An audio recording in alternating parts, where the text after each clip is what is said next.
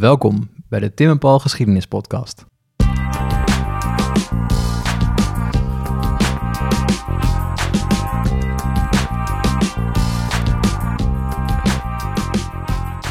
Paul, hoe vaak denk jij aan het late Romeinse Rijk? Nou Tim, eh, stiekem best wel veel. Maar het probleem is dat we er eigenlijk niet zoveel vanaf weten. Uh, nee, eh, hadden die mensen bijvoorbeeld zelf in de gaten dat ze in een laat Romeinse Rijk leefden? Of voelden ze zich mega contemporain en progressief, terwijl Attila de hun aan hun poorten stond te rommelen? Danielle Slootjes, hoogleraar oude geschiedenis aan de Universiteit van Amsterdam, neemt ons mee naar de wereld van Diocletianus, De volksverhuizingen en de Byzantijnen.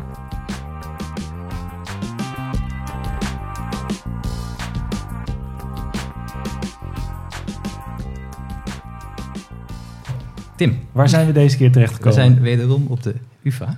Oké, bekende plek. Bekende plek, eh, wel met iemand die we nog niet kennen. Of net een klein beetje kennen, we zijn Ja. hier al een kwartiertje. Ehm, we zitten hier namelijk bij Danielle Slootjes. En zij is hoogleraar oude geschiedenis aan de Universiteit van Amsterdam. En ik ben altijd daar heel blij mee dat dit soort mensen bij ons willen, willen, willen aanschuiven. Dan vragen we mensen en dan zeggen ze ja op een maandag. Dus Ja. eh, dat is altijd heel, eh, heel fijn. En we gaan eh, het, het hebben over eigenlijk binnen het, het vakgebied waar we zelf al eerder hebben toegegeven tijdens de studie nooit iets mee hebben gedaan. Heel weinig van weten. Maar sinds een jaar een beetje de soort van... het, het, het vuurtje brandt. Ja, precies. Dus we gaan, eh, we gaan het hebben over de oudheid eh, natuurlijk. Ehm, en we zijn al eerder in eerdere afleveringen zijn we verder teruggegaan in de tijd. We zijn begonnen bij Cicero en onze laatste over de oudheid ging over Perzië. Maar nu gaan we meer richting het, eh, de huidige tijd doen.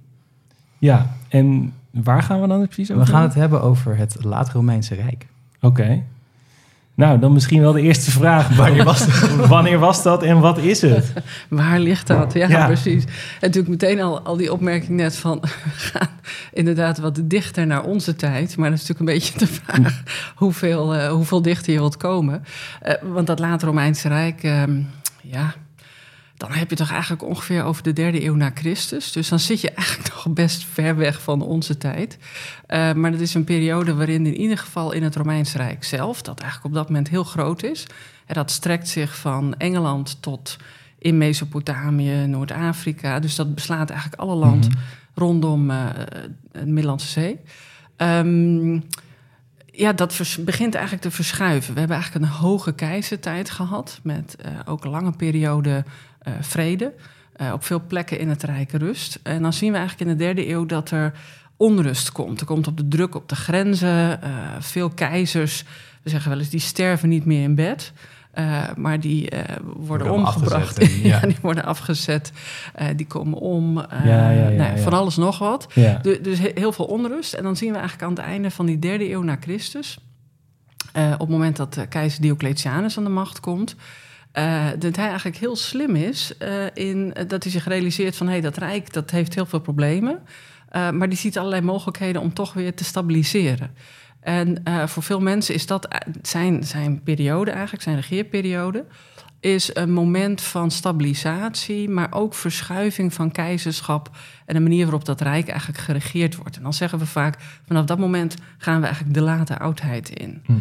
Maar dat is wel een moderne Ja, ja. ja, die waarschijnlijk op dat Ja. moment, meneer Diocletianus zelf, die dacht, Nee, dit, nee. dit is het moment dat we de late eh oudheid Nee, ingaan. nee toch? daar had Dat- hij geen enkel idee over. Nee. Nee.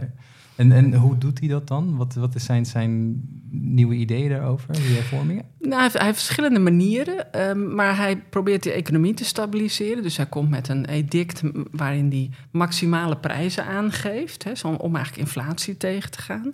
Wauw, Ehm, dat klinkt echt super ja, dus, modern, ja, toch? Dus, ja. ja. we schrijven eigenlijk meteen door naar Ja, ja, ja. Energie, eh, hoe heet dat? Het energie, Ja, dat plafond, ja, precies. Ja.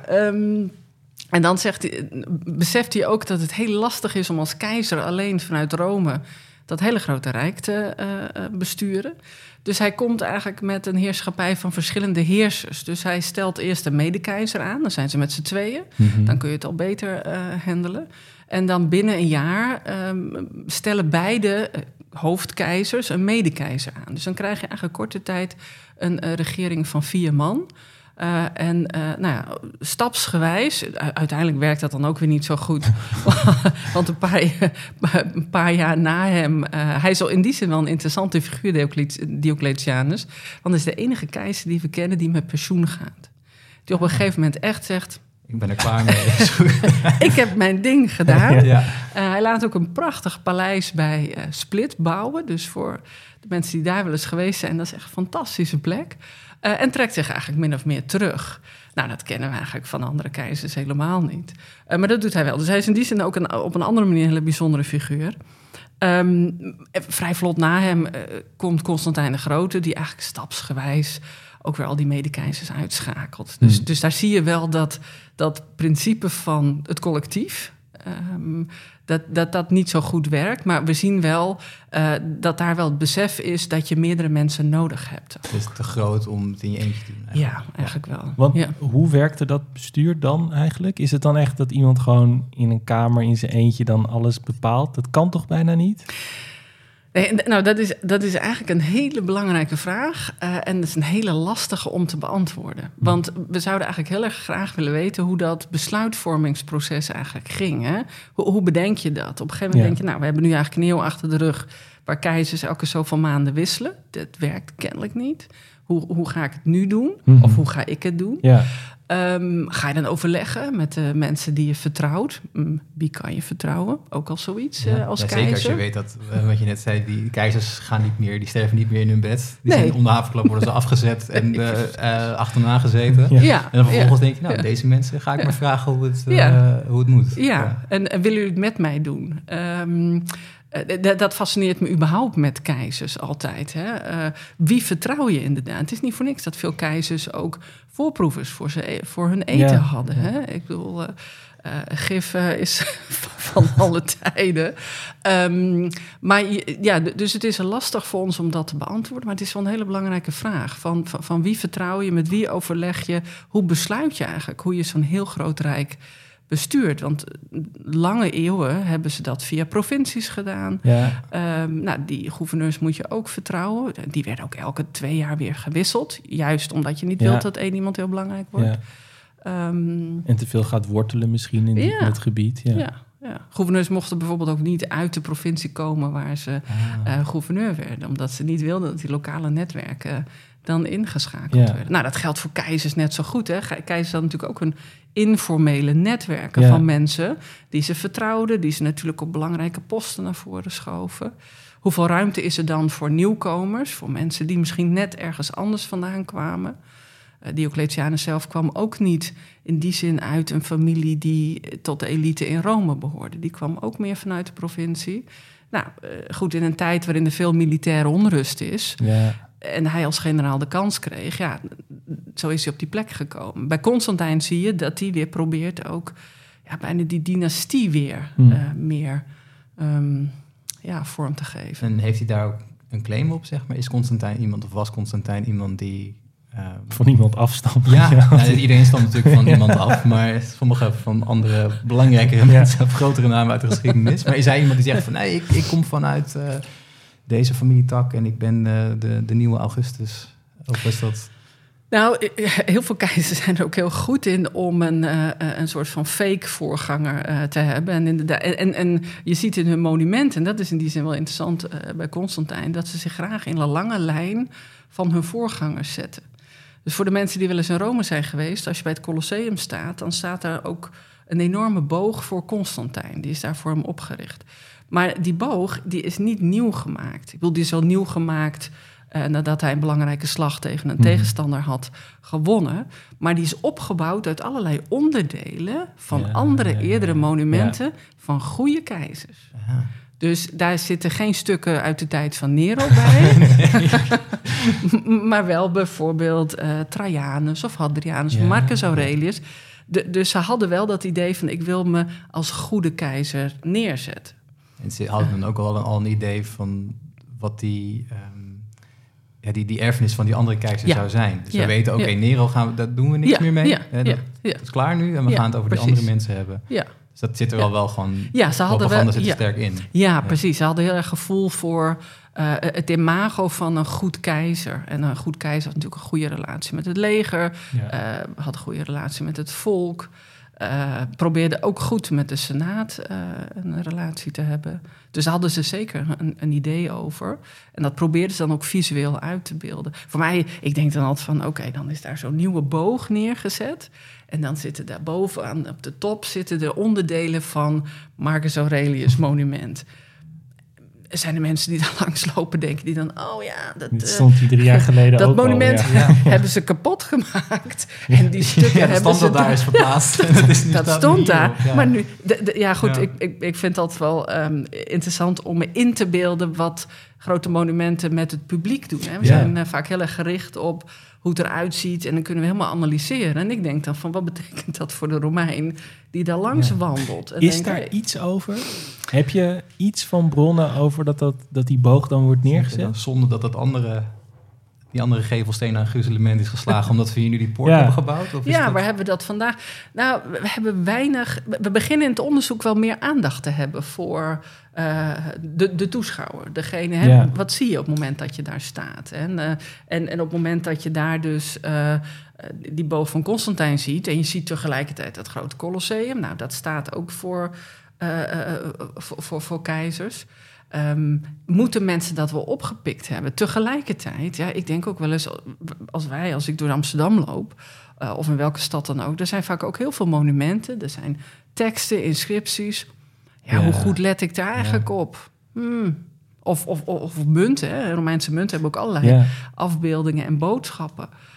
Ja, hoe vaak kijk ik eigenlijk naar de euro tegenwoordig? Ja, tegenwoordig heb ik bijna eh, nauwelijks losgeld, dan heb je Ja, ja, ja. van. Maar ja, ja, ik snap je Ehm, punt wel. Zeg maar, ja. Het is nu cultureel hangen we daar best wel veel aan op, toch? Ja. Over zeg maar Ja. de materiële ik denk cultuur. als wij daar nu voor staan en dan zie je zo'n poort en dan heb je misschien een, een gidsje erbij Ja, van oh, dit is tuurlijk. die keizer en dit is deze veldslag Ja. en dit is Huppel de Pup Ja. en het is dan allemaal ergens tussen 150 en 350 of iets. Ja. Maar dan wordt het ook een soort, tenzij je natuurlijk goed ingevoerd bent, is het een soort van waas van oude dingen, ja. zeg maar. Ja. En dat is een Ja. beetje, ik probeer niet meteen eh, de hele archeologie eh, om zeep te helpen, maar het is wel, je kijkt ernaar en denkt, oh ja, dit, ik heb niet meteen scherp, oh, dit is die keizer die dit en dit gedaan heeft. Maar is Nee. dat dan voor de gemiddelde Romein in die tijd, is dat dan... Want voor hun is dat natuurlijk ook gewoon, daar kan ook een verschil van 100 of 200 jaar tussen zitten. Zeker.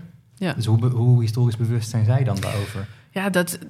Geen idee. Eh, maar, maar tegelijkertijd heeft het wel waarde, omdat dat uit die Ja. eerdere periode komt. Dus mensen voelden zich wel verbonden Ja. met die eerdere periode. En eh, ik stel me ook zo voor, als zo'n eh, monument klaar is, dan heb je natuurlijk een, eh, een ceremonie. Dan ga- gaat iemand voorlezen wat op die tekst ja, staat. tuurlijk, en dan, wordt het natuurlijk onthuld. en- ja, precies. Dus, dus mensen pakken dat wel op. En het is voor ons sowieso lastig om onder woorden te brengen wat gevoel voor de oudheid of geschiedenis doet. Hè. Heel veel mensen gaan ook graag in een vakantie, hè, die, die misschien zouden zeggen van nou, ik heb niet zoveel met geschiedenis.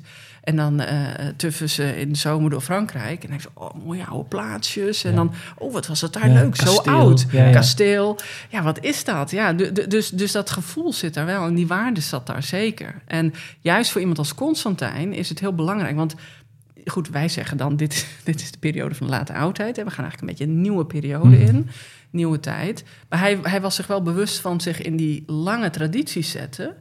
En tegelijkertijd wilde hij ook vooruit. Hij wilde juist ook weer dat keizerschap stabiliteit en vorm geven. Waar Diocletianus eigenlijk mee begonnen was.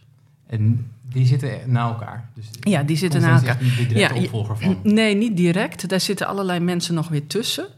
Eh, en eh, eh, Constantijn neemt op een gegeven moment, vindt dat hij eigenlijk recht heeft op die macht. In die zin is het wel interessant. Met Diocletianus zie je, die haalt er medekeizers bij. En dat zijn niet per se familieleden. Mhm. Dus hij stapt daarmee wel af van het idee dat de dynastiek in de familie moet zijn.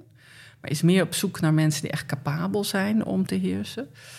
Constantijn, die in die zin niet op die manier daaraan verbonden was, maar zijn vader wel. Op het moment dat zijn vader sterft, vindt hij het eigenlijk heel vanzelfsprekend dat hij dan toch de volgende in de lijn is. En, en dan stapsgewijs eigenlijk zie je dat hij eh, meer macht naar zich toetrekt en eigenlijk ook zijn tegenstanders, medekeizers, eh, uitschakelt.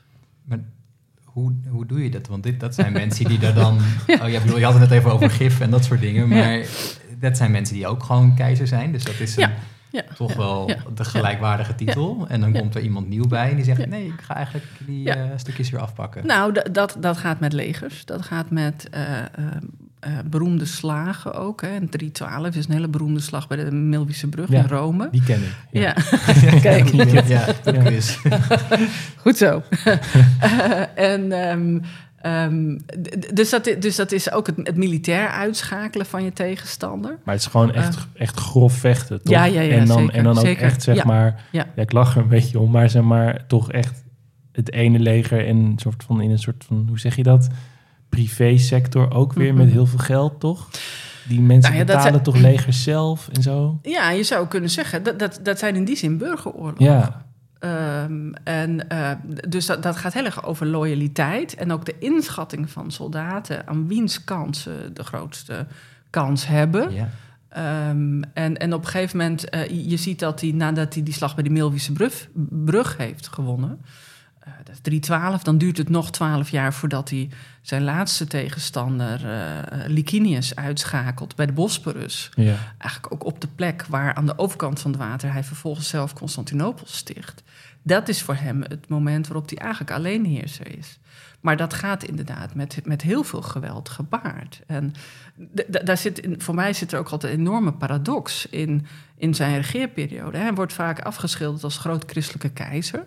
Dat klopt, hij heeft dat christendom inderdaad geaccepteerd binnen eh, het bestaande religieuze landschap. Eh, dus ook niet gezegd, dit is het enige godsdienst. Maar hij Ja. heeft gezegd, er zijn meer, Mag nu? Of is, eh, maar, maar er is een plek nu Ja. voor het christendom. Eh, maar hij heeft natuurlijk eh, ja, dat uitschakelen van zijn tegenstanders.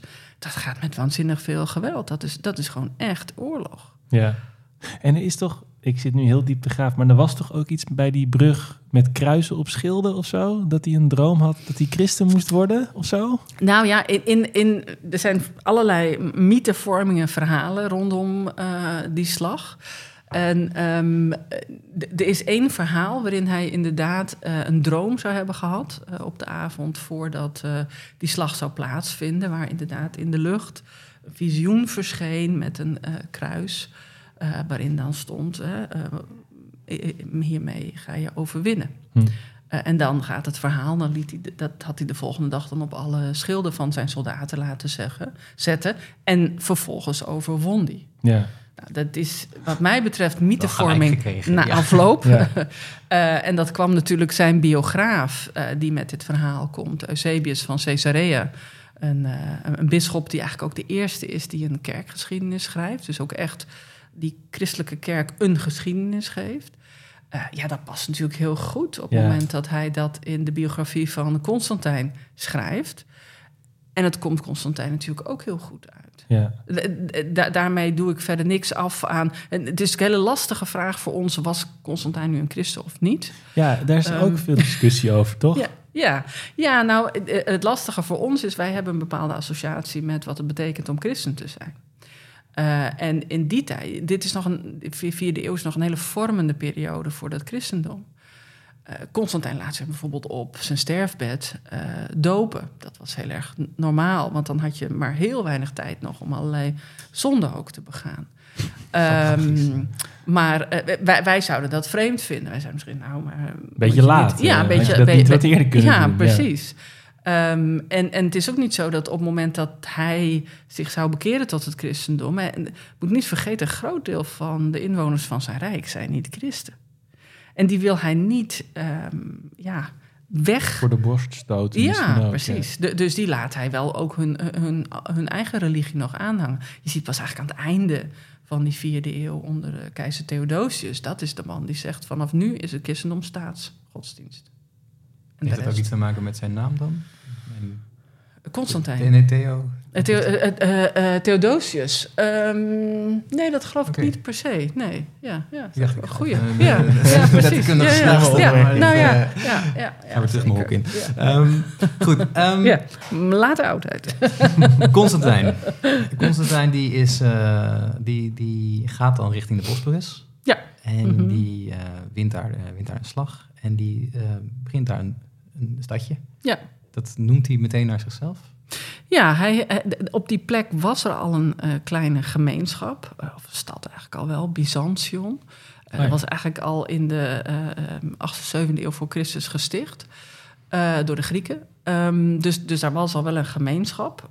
En ook Septimius Severus, een, ke- een keizer eh, eh, ehm, rond de 200, die daar ook al wel wat gebouwd had. Eh, maar hij besluit inderdaad dat eh, dat eigenlijk zijn keizersstad wordt. Nou, er wordt veel over gediscussieerd. Bedoelt hij dit eigenlijk al als een Rome? Hè? Eh, is dit ook het tweede Rome? Op een gegeven ogenblik in de loop van de, van de vierde eeuw wordt het ook het tweede Rome genoemd in christelijke bronnen. Ehm, maar hij is duidelijk op zoek naar een, een grote, keizerlijke, strategische stad waar hij echt zijn stempel op kan drukken. En Rome in deze tijd is ook, zeg wel, zijn is ook al best volgebouwd. Eh, in Constantinopel heeft hij waanzinnig veel gelegenheid om ook nog van. ja, laat ook allerlei monumenten uit de Griekse wereld, uit Delphi bijvoorbeeld, waar heel veel mm, prachtige monumenten waren, laat hij daar allemaal naartoe brengen. Dus dit is ook echt een plek waar, hey, als je een keizerstad wilt, als je stad naar jezelf vernoemd wilt hebben, Dan ga je dat dan beginnen is hier en- wel heel veel gelegenheid. Ja, dus met een enorme ceremonie laat hij daar de, de stadsgrenzen ehm, aanbrengen. En eh, ja. En, en woont hij dan ook daar? Is hij daar? Of is, Nou, vervolgens... het, zeg maar, dat is de klassieke ding, dat het, het verschuift. Dat Ja. het naar het oosten verschuift, het zwaartepunt. Ja, nou, Constantijn brengt heel weinig tijd in Rome door, maar ook heel weinig tijd in Constantinopel uiteindelijk. We, zien eigenlijk pas later dat de keizers iets meer eh, in Constantinopel weer in hun paleis gaan zitten. Maar dat is op dat moment eigenlijk nog niet aan de orde. Dus, maar waar is hij dan eh, wel? Ja, veel onderweg ook, Hmm. op campagnes. En, ehm, Hij moet al zijn tegenstanders... ja, hij, eh, hij moet precies. ja. Ja, en, en, en op het moment dat hij daar in het oosten. Het, het is ook niet zo dat. Eh het is natuurlijk een periode van interne eh, onrust en burgeroorlogen geweest. Maar aan de grenzen wordt, is er ook allerlei druk. Die wil hij ook wel eh Hm. secuur houden. Dus, eh, Dus hij is gewoon eigenlijk, hij, heeft dan, hij is daar geweest, hoop, hoop Ja. slingers voor zichzelf opgehangen. Ja, en toen precies. is hij weer weggegaan. en, toen, en, en vervolgens ge- is hij ook weer veel onderweg geweest. Ja. ja. Dat betekent niet dat hij niet leden van zijn familie daarachter heeft gelaten. Hè. Dat- geldt voor Rome ook. We zeggen soms wel eens: ja, Rome op een gegeven moment zit niemand meer, want de keizer is daar niet meer. Maar dat is misschien niet helemaal waar, want leden van die keizerlijke familie, Ja. ja, dat waren wel. Ik bedoel, die vrouwen en kinderen werden niet altijd overal mee naartoe gesleept. Nee. Maar hij bestuurde dan dus eigenlijk vanuit zijn huifkar. Of zeg maar, hij, hij was voortdurend... Hoe, Ja. hoe kan je Ja. dan met mensen vergaderen, met mensen praten? Ja, je, bent, je bent keizer, dus dat hoeft dan niet. Dan zeg je gewoon wat je doet. Nee, maar... oké, Ja. Echt Nou, niet- de- de- dat is natuurlijk, en dat, dat, dat is natuurlijk een vraag ehm, eh, waarom ik ook wel zeg, welke tijd je ook maar bestudeert. Elk groot rijk heeft een, een bepaalde structuur, een bepaald systeem. Ehm, en als dat functioneert, dan functioneert het. En, eh, eh, voor eh, het Romeinse Rijk was dat in deze periode de provincies. Daar komt dan nog een structuur met diocesen en prefecturen bovenop. Maar als dat systeem als systeem en structuur functioneert en je hebt goede topbeambten Mhm. en die zorgen dat dat blijft lopen, ja, dan heb je wel een keizer nodig, maar dan heb je die keizer soms ook. Ja, dan is altijd even de vraag: is, hoe belangrijk is dat individu eigenlijk voor Ja. het systeem? Het gaat wel om- door allemaal. Ja. en tenzij er dan Ja. misschien een gigantische crisis is, Ja. of een invasie Ja. of iets, dan, Ja. dan Ja. heb je iemand nodig die de beslissing maakt. Ja. Maar anders... Ja. Dus daar zit, daar zit altijd spanning, hè? Van hoe, in hoeverre heeft eh, het individu eh, eh, invloed op hoe het systeem of het rijk werkt? En, en omgekeerd. En ik zeg wel eens het rijk, en zeker als je natuurlijk kijkt naar het Romeinse Rijk, ehm, dat overleeft een krankzinnige keizer wel. Want Ja. dat, dat, dat systeem functioneert. Ehm, en bij Rome denken we wel eens, nou, van wanneer valt het nou? Hè? Ja, want ik wilde net Het zeggen, einde. het gaat toch Ja. mis, toch? Het Ja. gaat toch mis. Dat klassieke boek van, hoe heet dat weer? eh, Gibbon? Gibbon. Gibbon, die... eh, Decline and fall. Ja, Ja, precies. dan is er gewoon een Ja. datum en dan, Ja. dan is het Ja. klaar. Het stopt het. En zoals Tim net Ja. zei, dan gaat het licht uit in Europa. En dat zeiden we in het vorige gesprek. En dan duurt het duizend jaar voordat er weer iets, Voordat er voordat de verlichting er is. komt. Ja. Ja, precies. En mijn collega's van middeleeuwen eh, worden niet heel blij van dit soort stereotypen. Eh, en heel terecht ook, dat klopt ook niet. Nee, eh, ja, Ga je nu vertellen dat het Romeinse Rijk niet stopt? Is het altijd doorgegaan? nou als je naar het paleis op de Dam gaat in Amsterdam... dan zie je daar toch nog eigenlijk bouwstijlen. Dat je denkt, nee, komt heel Romeins over. Nee, ja, kijk, nee, nou, wat mij betreft, maar goed, daar is discussie over. Ehm, zou je kunnen claimen dat het Romeinse Rijk doorgaat tot 1453? Want in dat oosten, eh, Constantinopel wordt in, uiteindelijk, kijk, eh, eh, ja, het, gezag in Rome valt wel weg. En het, en het westelijk de- deel van het Romeinse Rijk valt uiteen in Franken, Visigoten, Vandalen, allerlei verschillende eh, volkeren en koninkrijken. Maar het oosten blijft gewoon doorgaan. Dus mensen in Constantinopel in, in 800, die van ons zouden horen dat het Romeinse Rijk is gevallen, die zullen denken, hoezo? Maar ik woon toch gewoon, ik ben... ik ben ik toch ben- Romein. Ik ben Romein, hoe, hoe kom je erbij? En goed, wij zijn dan eh, in onze moderne wetenschap op een gegeven moment gaan praten over... Hè, we zeiden net, het- is een laat-Romeinse Rijk. Laten we het daarover hebben. Nou, in de wetenschap wordt ook vaak... en ook in populair wetenschappelijke literatuur... het, het Byzantijnse Rijk Ja, eh, gebruikt. Maar dat is eigenlijk dat laat-Romeinse Rijk. Dus, dus dat gaat gewoon door. En dan zeg je 1453, Ja. omdat het dan veroverd wordt door de... Ja, val van Constantinopel. En, en dan door zou je kunnen zeggen... Eh, Ja, eh, ja, Ahmed, ja. Oh. Eh, dus dan, dan heb je inderdaad eh, de inname van Constantinopel. ja. Ehm, dus, dus je zou kunnen zeggen dat dat eh, eigenlijk nog steeds Romeins is. Kijk, ik kan me voorstellen dat collega's van middeleeuwen zeggen... Hmm, 1453, maar dat is toch eigenlijk een beetje onze tijd. Eh, dat is ook zo. Eh, goed, het is altijd kunstmatig. Hè? Als, je, als je zegt van oké, dit is de Romeinse tijd... dit is laat-Romeinse tijd, oh, late oudheid, vroege middeleeuwen... Eh, chronologisch overlapt dat allemaal met elkaar? Eh, waar hebben we het nou eigenlijk over? Ehm, en ik denk ook wel eens, soms is het helemaal... We, we hebben natuurlijk die compartimenten eh, van tijd en, en, en van, van periodes nodig. ja, om er iets over te kunnen zeggen, Ja, toch? ja. en om het een beetje te begrijpen. Ons Ja. hoofd kan gewoon niet denken van gisteren... zeg maar vanaf nu en, en alles in het verleden is het verleden, hoe zit het? Ja. Daar kunnen wij helemaal niet eh, Nee. overzien. Dus we hebben die compartimenten. Eh, maar juist die periode van de late oudheid, laat Romeins, vroeg middeleeuws... Ja, is, is chronologisch eigenlijk een periode met heel veel overlap. Maar, maar die Romeinen zijn de constante factor. Is het is toch ook nog een dan, de, de, na- naast het, het politieke indelen, het politieke systeem, Ja. ook, er is ook volgens mij een argument te maken dat, het, eh, dat heel veel van die belangrijke Romeinen uiteindelijk belangrijke functies binnen de kerk hebben gekregen en op die manier een soort, eigenlijk een voortzetting hebben gehad, toch? Ja, zeker. Er zijn mensen die zeggen eh, juist dat voortbestaan van het Romeinse Rijk, dat komt ook door de opkomst eh, van het christendom. Dat Hm. christendom is, is, is op een bepaalde manier het cement van die laat-Romeinse, vroeg-middeleeuwse, Byzantijnse wereld en, en maatschappij. Eh, daar heb je in ieder geval een constante factor. Eh, dat zou je kunnen beargumenteren. Het is, het is altijd maar net welke vraag je stelt. Hè. Stel je de vraag naar wat is de, po- de politieke structuur eh, van een samenleving? Ehm, en, en vind je dat interessant? Of ben je eigenlijk meer op zoek naar hoe mensen misschien oh, ja, hun wereld beleven? Hm. En, en ook daar zie je weer dat we vaak met kokers werken. Dat we, dat we die late Romeinse wereld soms heel erg als een christelijke wereld. eh, of niet christelijk. Ehm, opkomst van de islam komt op een gegeven moment. Nou, dat is heel erg vanuit religie gedacht. Ja. Eh, maar je zou ook economisch kunnen gaan kijken, of naar sociale klassen. En ik probeer mezelf altijd wel een beetje voor te stellen. ehm, dat op het moment dat je analyses maakt van die geschiedenis, voor wie doe je dat eigenlijk? En wat heb je nodig van dat verleden? Eh, want de vragen die je stelt, die zeggen daar iets over. Ja. Eh, en eh, en ik, ik, ik zeg ook wel eens, eigenlijk op het moment dat je dus zo'n analyse maakt, of je daar een politieke of een religieuze of culturele, dan zou je eigenlijk iemand uit die tijd aan tafel moeten hebben. En zeg, hé, hey, herken je eigenlijk Wat wij over jou ja, geschreven wat ik nu bedacht heb. Ja. hoe ik jouw wereld... Ja. eh, En, en, en is, eh, ik, ik, ik probeer dat toch mezelf wel eens voor te houden. Eh, Als, alsof, dat, alsof ik daar toch een beetje rekenschap Ja. aan eh, eh, Ja. over moet afgeven. Ehm, Ja. ja. Ik, had nog, ik heb nog wel een vraagje. Je zei net heel mooi dat je het christendom als cement kunt zien Ja. voor dat Oost-Romeinse Rijk. Maar waarom blijft Rome dan in het christendom, zeg maar, de plek?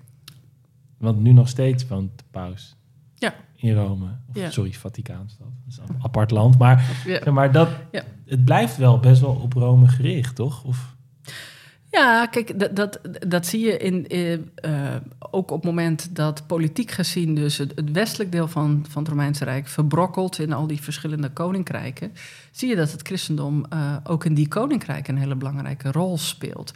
En je, je, je ziet een, een strijd, hè, een competitie eigenlijk in die laat-Romeinse wereld, waarin eh, religieus gezien nog heel erg nagedacht wordt over kerkdogma. Wat betekent dat eigenlijk? Wat voor kerkleer is er? Nou, er zijn allerlei enorme discussies waar mensen ook echt eh, tot de dood met elkaar voor, vechten. concilies en zo. Ja, toch? je krijgt die concilies en... eh, maar, maar dat gaat er, en die concilies, nou, zelfs daar gaat het niet altijd even vriendelijk aan toe. Maar het is toch echt heel veel strijd en soms ook echt met veel geweld. Eh, en- je ziet dat er een strijd ontstaat tussen de bisschop van eh, eh, Rome. Het duurt even volgens mij voordat je hem de paus zou kunnen noemen. Ja. Maar daar, daar hangt ook vanaf wie je daarover spreekt. Sommigen zouden dat iets eerder willen. M- Maar die bisschop van Rome, de patriarch in Constantinopel, maar ook in Jeruzalem en Alexandrië, die vinden eigenlijk allemaal dat zij hun zetel eigenlijk de belangrijkste ja, is. En, en, en, en voor, eh, voor West-Europa is de paus op een gegeven moment inderdaad in staat om te zeggen: ja, maar hier eh, is dat, ligt dat voor de christelijke kerk ligt dat echt in Rome. Maar waar- Ja, waarom? Er is toch in de geschiedenis van het...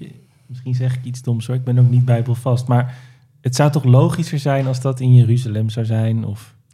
ja kijk, eh, ja, ehm, voor sommigen wel. Ehm, maar, maar Rome staat natuurlijk ook heel erg symbool voor. eh, het is de zetel van Petrus, de eerste bisschop. Eh, symbolisch gezien. Het is maar echt een, enorme discussie of die er ooit geweest is. Maar eh, daar is echt het idee van: dit is de zetel van de eerste bisschop. Ehm, en, en dat hebben ze ook uitgebouwd. En dit, dit gaat net als met keizers heel erg over imago. Hoe representeer je macht? Ehm, dat speelt natuurlijk in de kerk ook een belangrijke rol. Het is niet voor niks dat, dat in die kerk... dat heel, heel veel mensen van de leden van de elite...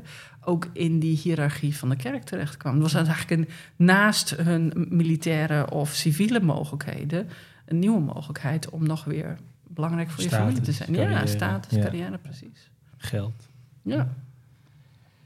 Ehm, we hebben het net al, ja, we hebben het nu ook over de kerk, maar ik denk dan ook meteen, er is dan een, een scheuring ook tussen de kerken. Mhm. Dus de Roomse kerk en in, Ja. wat, hoe gaan we dat dan noemen, de Byzantijnen? Is dat de term? Die hebben niet de term die ze zelf voor zichzelf gebruiken? Nee, de, nee, dus nee. De, de Oost-Romeinen? Ja, dan? op een gegeven moment zie je ook wel dat ze vanuit het Westen eh, het eerder hebben over het Rijk van de Grieken. Eh, om dan nog ook weer onderscheid te maken tussen eh, wie, of, wie wel of niet het juiste christelijke geloof heeft. Ja. Ja. Maar dat, dan, dat scheurt dan ook. Dus Mhm. die hebben dan weer... Dan, en dan kan je toch wel wat meer gaan spreken over... Oké, die oude staat is wel echt Mhm. voorbij? Of is dat Mhm. nog iets te... Of die oude om- Romeinse staat Ja. voorbij. Ja, in het, west, in het Westen zeker. Ja, Eh, want je ziet dat het Romeinse gezag in, in het Westen brokkelt door de eeuwen af. Eh, onder keizer Justinianus in de zesde eeuw wordt het op een gegeven moment toch weer herveroverd. Eh, maar dat duurt gewoon niet zo lang. Eh, dus in het Westen zou, kan, kan je dan zeker niet meer van een Romeins Rijk spreken. Eh, dat gaat echt alleen in het oosten door. dat, je, Ja. dat, volgens mij zei je dat in het begin over... Er staat druk op de grenzen. Ja, ja. Ja, want die, ja. er is, intern gaat het allemaal niet Ja. zo heel lekker. hè, Wat we Ja. net over hadden, het is allemaal te- misschien te groot of te lastig om te worden. Maar dan, er zijn ook mensen, boze mensen van buitenaf, die Mhm. denken... nou, er valt nog steeds nog wel iets te halen daar. Ja. En, en ik heb dan, ik weet niet of jij, wij hebben in hetzelfde jaar middeleeuwen gehad. Dat je dan, volgens mij op bladzijde 1 krijg je dan het hoofdstuk volksverhuizingen. Ja, oh, ja. dat zijn dan Dat gewoon een heftig, kaart ja. van Europa met allemaal grote pijlen van, Ja. van mensen op paarden die uit het oosten kwamen en dan vervolgens Rome in de as gingen. Ja, vrij gingen- snel na het drieslagstelsel, toch? Ja, dat boek. is, eh, ja, dat, ja, dat boek. zo, ja. ja. Ehm, maar die, die volksverhuizing, dat is ook wel echt een, een, volgens mij iets wat onlosmakelijk verbonden is, in ieder geval in de nou ja, populaire cultuur van het late Romeinse Rijk. Zeker. Dan Ja. hebben we het over dezelfde Ja. periode. En, ja, zeker. Dan heb je het over de vijfde eeuw bijvoorbeeld. Dan zie je inderdaad, dat wordt inderdaad traditioneel. Ik weet niet of de handboeken dat nu nog zo zouden noemen. Maar eh, ja, dat is een periode van volksverhuizingen. Waar, we, wa- waar inderdaad volkeren eh, het Romeinse Rijk binnenkomen. Eh, ook omdat zij mogelijk voortgestuwd worden door weer andere volkeren die hen opjagen. En eh, dus dat, dat, dan gaat het om volkeren die. eh, Atti- Attila de Hun is natuurlijk zo'n hele beroemde. Ja.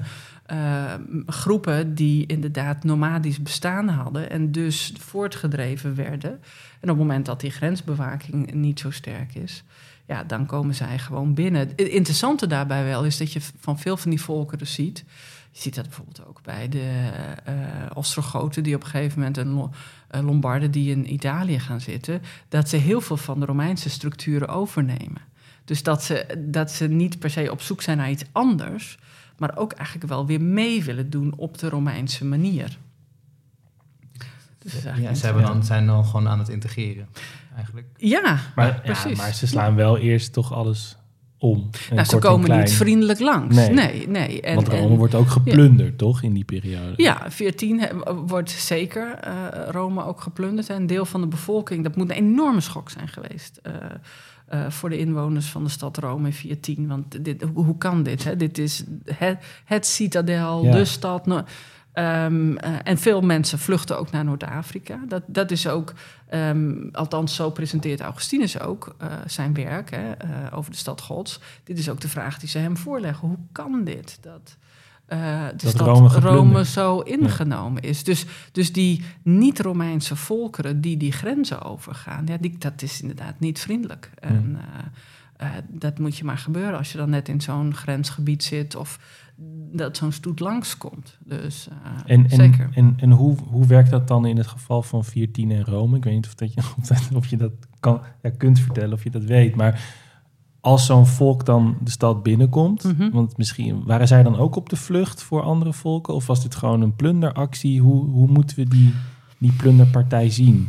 Ja, een combinatie, denk ik. Van, eh, het- is altijd even de vraag: hè? als je eh, voortgestuurd wordt omdat je zelf opgejaagd wordt, hoe, hoe ver wil je dan doorgaan en Ja. waar ga je stoppen? En ehm, op het moment dat je dus op. De meeste van die volkeren zijn eigenlijk gewoon op zoek naar een plek waar ze hun groepen. Eh, kunnen, ja, een, een woonplek kunnen Waar ze kunnen leven, heel ja, simpel. Precies, precies. En eh, in, in sommige delen eh, van dat Romeinse Rijk hebben ze echt weerstand eh, getroffen. En waren natuurlijk Romeinse legers. En op andere plekken zullen ze makkelijker er langs eh, zijn ge- gekomen. Maar op een gegeven moment, eh, zo'n stad Rome is dan natuurlijk wel heel erg symbolisch. Eh, het geeft ook gewoon wel aan dat op dat moment dat Romeinse leger niet functioneert en niet in staat is om dat enorme gebied ehm, eh, de- de- eh, ja, eh, te bewaken. Tegelijkertijd, ik denk dat dit ook een periode is waarin je misschien onder keizer Augustus of in de eerste eeuw zou zeggen van dat Romeinse leger is zoveel sterker dan veel losse groepen die eventueel Ja. aanvallen. Nu zie je dat veel van die groepen ook veel beter bewapend en veel beter in staat zijn om. eh, Verandert er dan ook iets aan de manier van oorlogsvoeren? nou, je, je, je ziet dat ehm, waar eerder, denk ik, het Romeinse leger veel meer zeg maar nummer één is, ehm, in ieder geval in het, in het westelijk deel, eh, zie, je, zie je daar een verschuiving op. En, en, en het lastige is natuurlijk dat ze soms ook zelf eh, die volkeren weer eh, geld hebben gegeven, omdat ze ook... Spullen te kopen? Ja, om- kijk, ja. Het, het- is niet altijd maar eh, vechten en, en verder niks. Er waren natuurlijk ook heel veel handelsrelaties. Of heel veel diplomatie bijvoorbeeld. Hmm. Je ziet dat later ook. Hè. Ze hebben, aan de oostgrens hebben ze ook veel tegen de Sassaniden, tegen Perzië gevochten. Ja, dan, dan hebben we ook situaties waar ze in oorlog waren... en tegelijkertijd diplomatiek verkeer hadden... eh, waar ze ook op allerlei manieren nog weer probeerden eh, vrede te sluiten. Of misschien eh, bij de persen bijvoorbeeld aan het hof onrust te stoken. zodat die ook ja, minder stabiel Hm. waren. En dat had natuurlijk effect op het leger. ja. Maar het is niet alleen maar het vechten. Het moet, als, je, als je die late oudheid over, overziet, moet dat een hele dynamische tijd zijn geweest. Ook wel een vrij chaotische tijd. Ja, zeker, zeker. Ja. Ja. Ja. voor sommige plekken. En er zijn ook vast plekken in het Rijk geweest waar, waar het eigenlijk gewoon heel goed ging. Ja, als een, als een leger of een vijand niet langskomt. Ja. Ja. Ehm, kijk, we ver- vergeten ook, hè, veel van onze geschiedschrijving gaat altijd over dit soort momenten. Oorlog, de grote mannen, eh, de keizer. Kantelpunten. Ja, precies. Ja, hè, ja. Sleutelmomenten, precies. Ehm, terwijl een heel groot deel van de bevolking was daar veel minder mee bezig. Ja. En die waren gewoon blij dat de oogst niet mislukte en dat ze hun gezin konden, konden voeden. Ja, zolang Attila de Hun niet voor je neus staat, Ja, heb je er ook geen echt last precies. van. Ja, ja, ja. ja. Maar, maar voor ons is het wel belangrijk hè, als historici welke vraag je stelt, want dat bepaalt wel welk verhaal je vervolgens stelt, eh, vertelt. En de vraag die je stelt is ook weer afhankelijk van hoe jij naar het leven kijkt Ja. in jouw eigen tijd, toch? Ja, absoluut. Waar je zelf door beïnvloed Ja. wordt. Waar je, hè, ben je geïnteresseerd in de oudheid? of ben je dat minder? Ehm, eh, ja, en gebruik je die oudheid... eh, en ben je geïnteresseerd in die oudheid... omdat je heel graag iets over de oudheid wilt weten? Of gebruik je het meer als een soort van voorbeeld... of de illustratie of als een casus...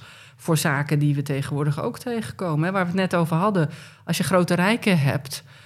m- met heersers. Eh, ja, wie, wie vertrouwt wie? Ja, dat is niet een, een, een antieke vraag. Dat is ook een vraag die onze eh, leiders op het wereld, politieke wereldtoneel zich dagelijks afvragen.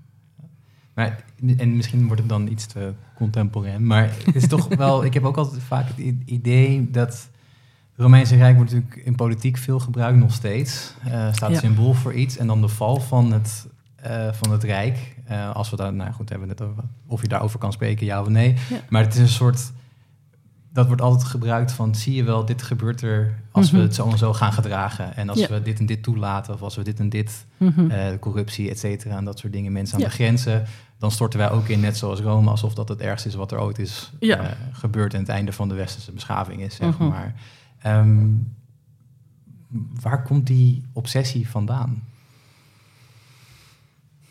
Ja, om te verklaren waarom, je- waarom het valt. Of waarom Nee, je die ja, vergelijking ook Ja, die trekt. vergelijking. Waarom we het steeds daarover hebben Ja. of zo. Ja, nou, ik denk dat het... Het heeft natuurlijk wel ehm, een impact gehad, denk ik. En, en wij eh, schrijven er in ieder geval waarde aan toe ook. Hè, dat dat Rijk val. Eh, Voor mij is op een bepaalde manier de vraag eigenlijk veel interessanter... hoe komt het dat het Rijk zo lang heeft gefunctioneerd? Want als je kijkt naar... Ja, dan gaat het over eh, hoe, hoe, hoe Rome provincies begint... Hè, gebieds, gebieden uitbreidt, provincies creëert... Ja, dan begin je eigenlijk... nou, wat is het, derde eeuw voor Christus... En, en als je dan doorgaat tot de zesde eeuw voor Christus, eh, of na Christus, of, of, of, eh, zeg maar 476, wanneer Rome valt. Ja, dat zijn eh 7, 8, 9 eeuwen. Nou, als je doortrekt tot 1453.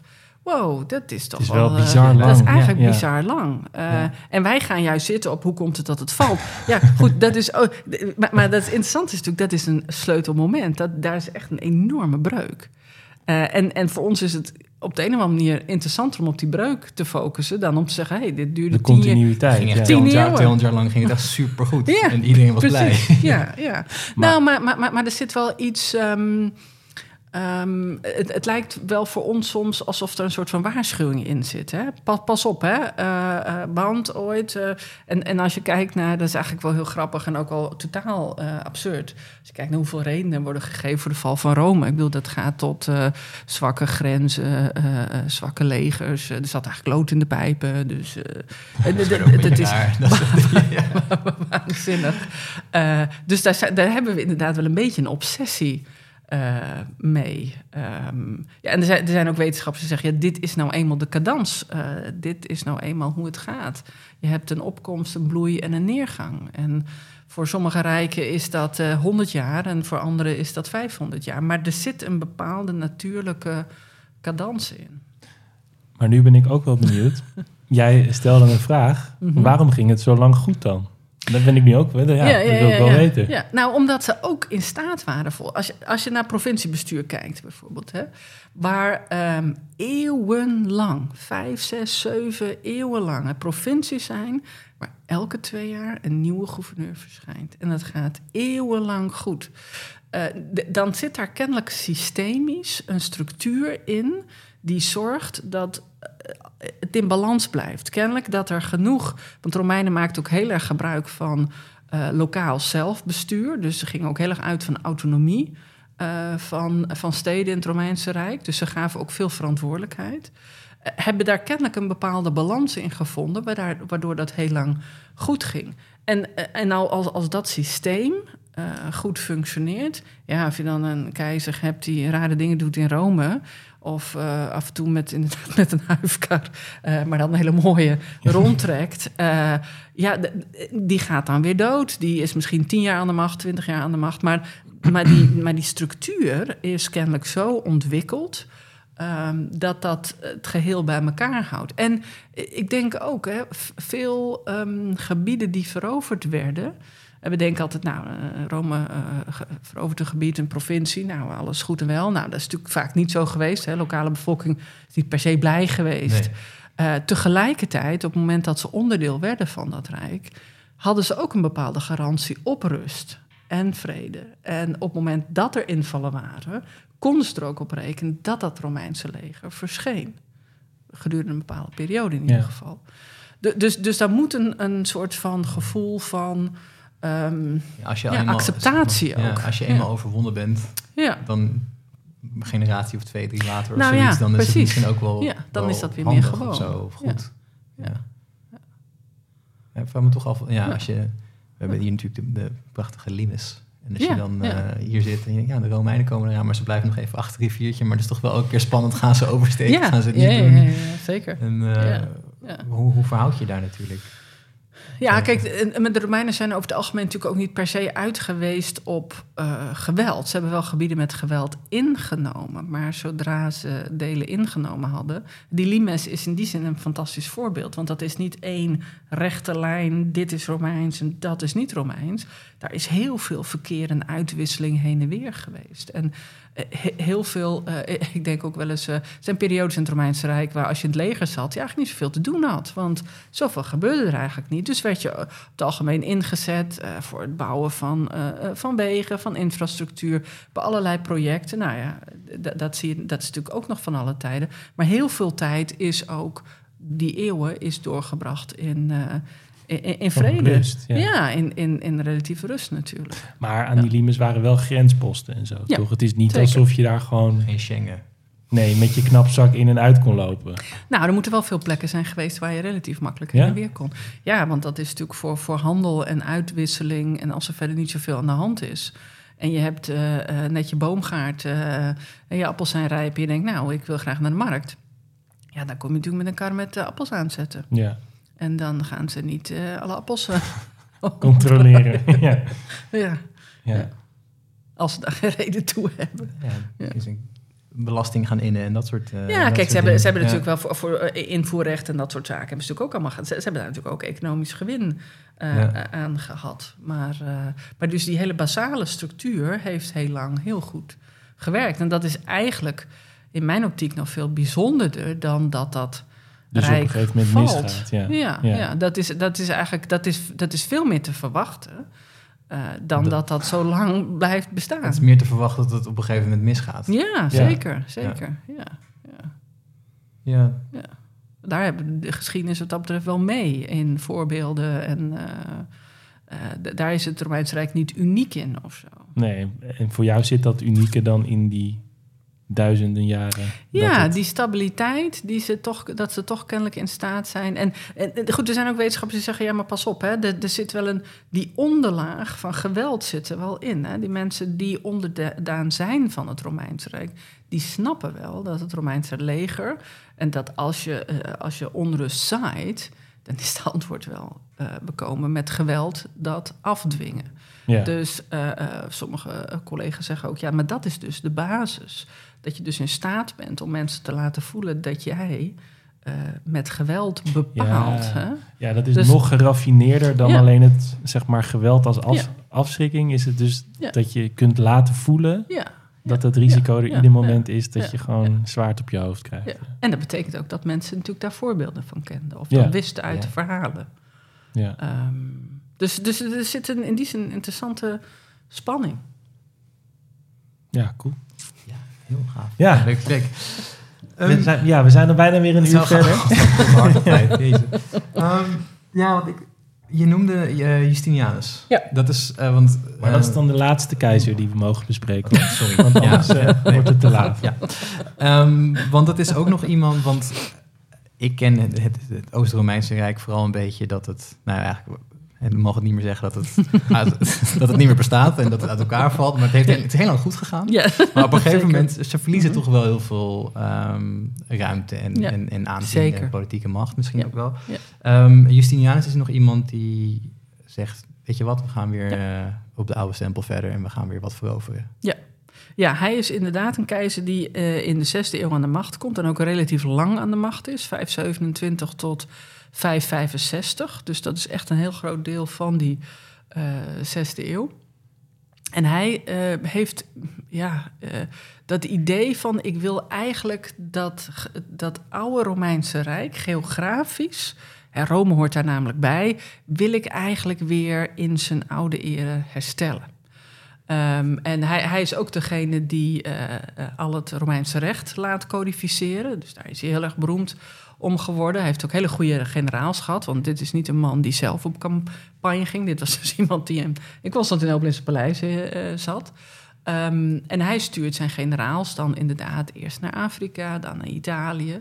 eh, om inderdaad geografisch weer te kunnen zeggen: Rome is echt wel weer van ons. En dat hoort bij dat Romeinse Rijk. Zeker.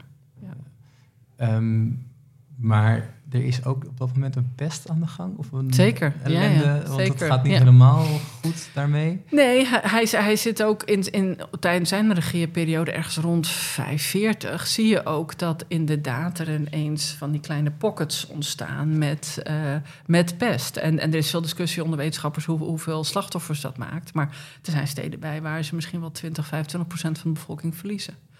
Uh, dus, dus dat speelt tegelijkertijd. En je ziet uh, naar het einde toe van zijn regeerperiode dat juist het leger daardoor ook weer veel uh, moeilijker krijgt. Ook omdat ja, die pest die raast eigenlijk. Ik geloof dat er over een periode van 15, 20 jaar iets van 16, 17 uitbraken zijn. Dus dat raast eigenlijk ja. door dat hele mediterrane gebied.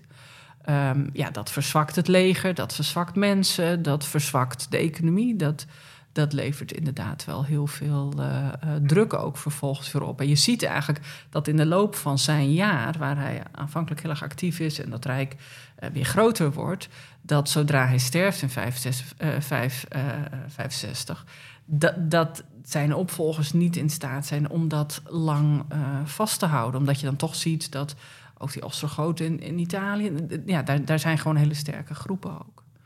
Uh, dus dat is een soort van laatste. Kijk, als je het onaardig zou zeggen, zou je zeggen, nou, daar zie je eigenlijk een laatste sparteling. Laatste stuiptrekking. Ja, ja, van het Romeinse Rijk in het Westen. Ja.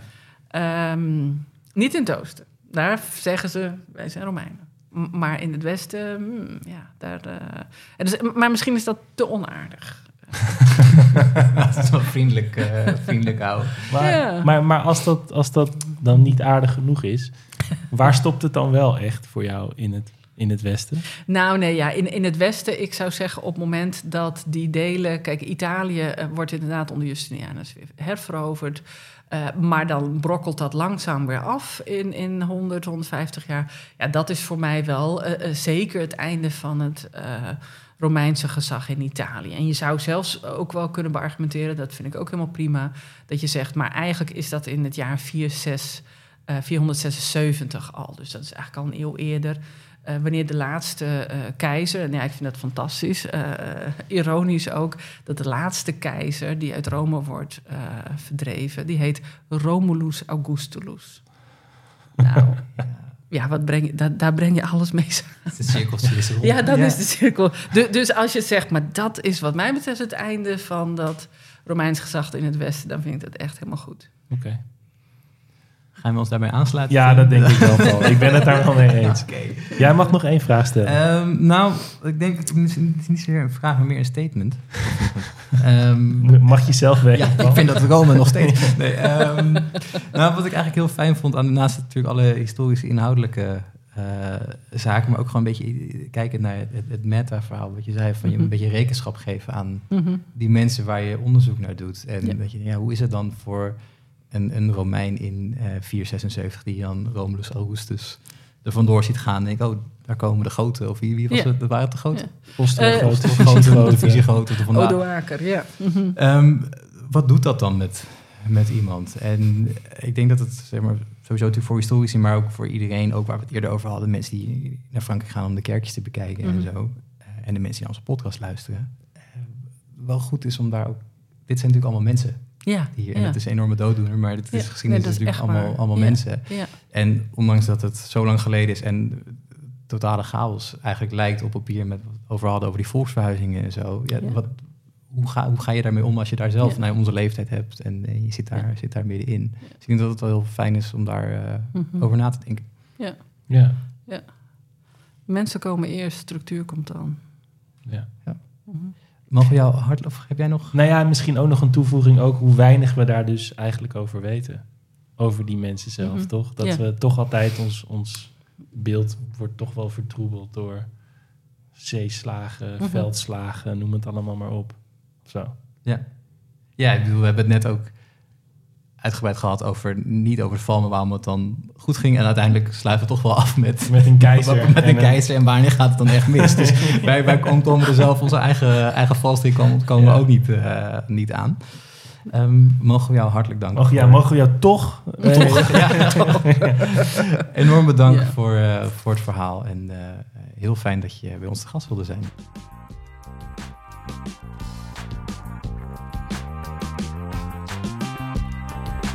Je luisterde naar de Tim en Paul Geschiedenis Podcast. Een onafhankelijke podcast van Tim Streefkerk en Paul de Jong. Met muziek van Mart Jenninga. Vond je dit nou een interessant verhaal? Laat dan een recensie achter. Dat wordt zeer gewaardeerd. En vergeet ons ook niet te volgen via Instagram of Facebook. Groetjes thuis.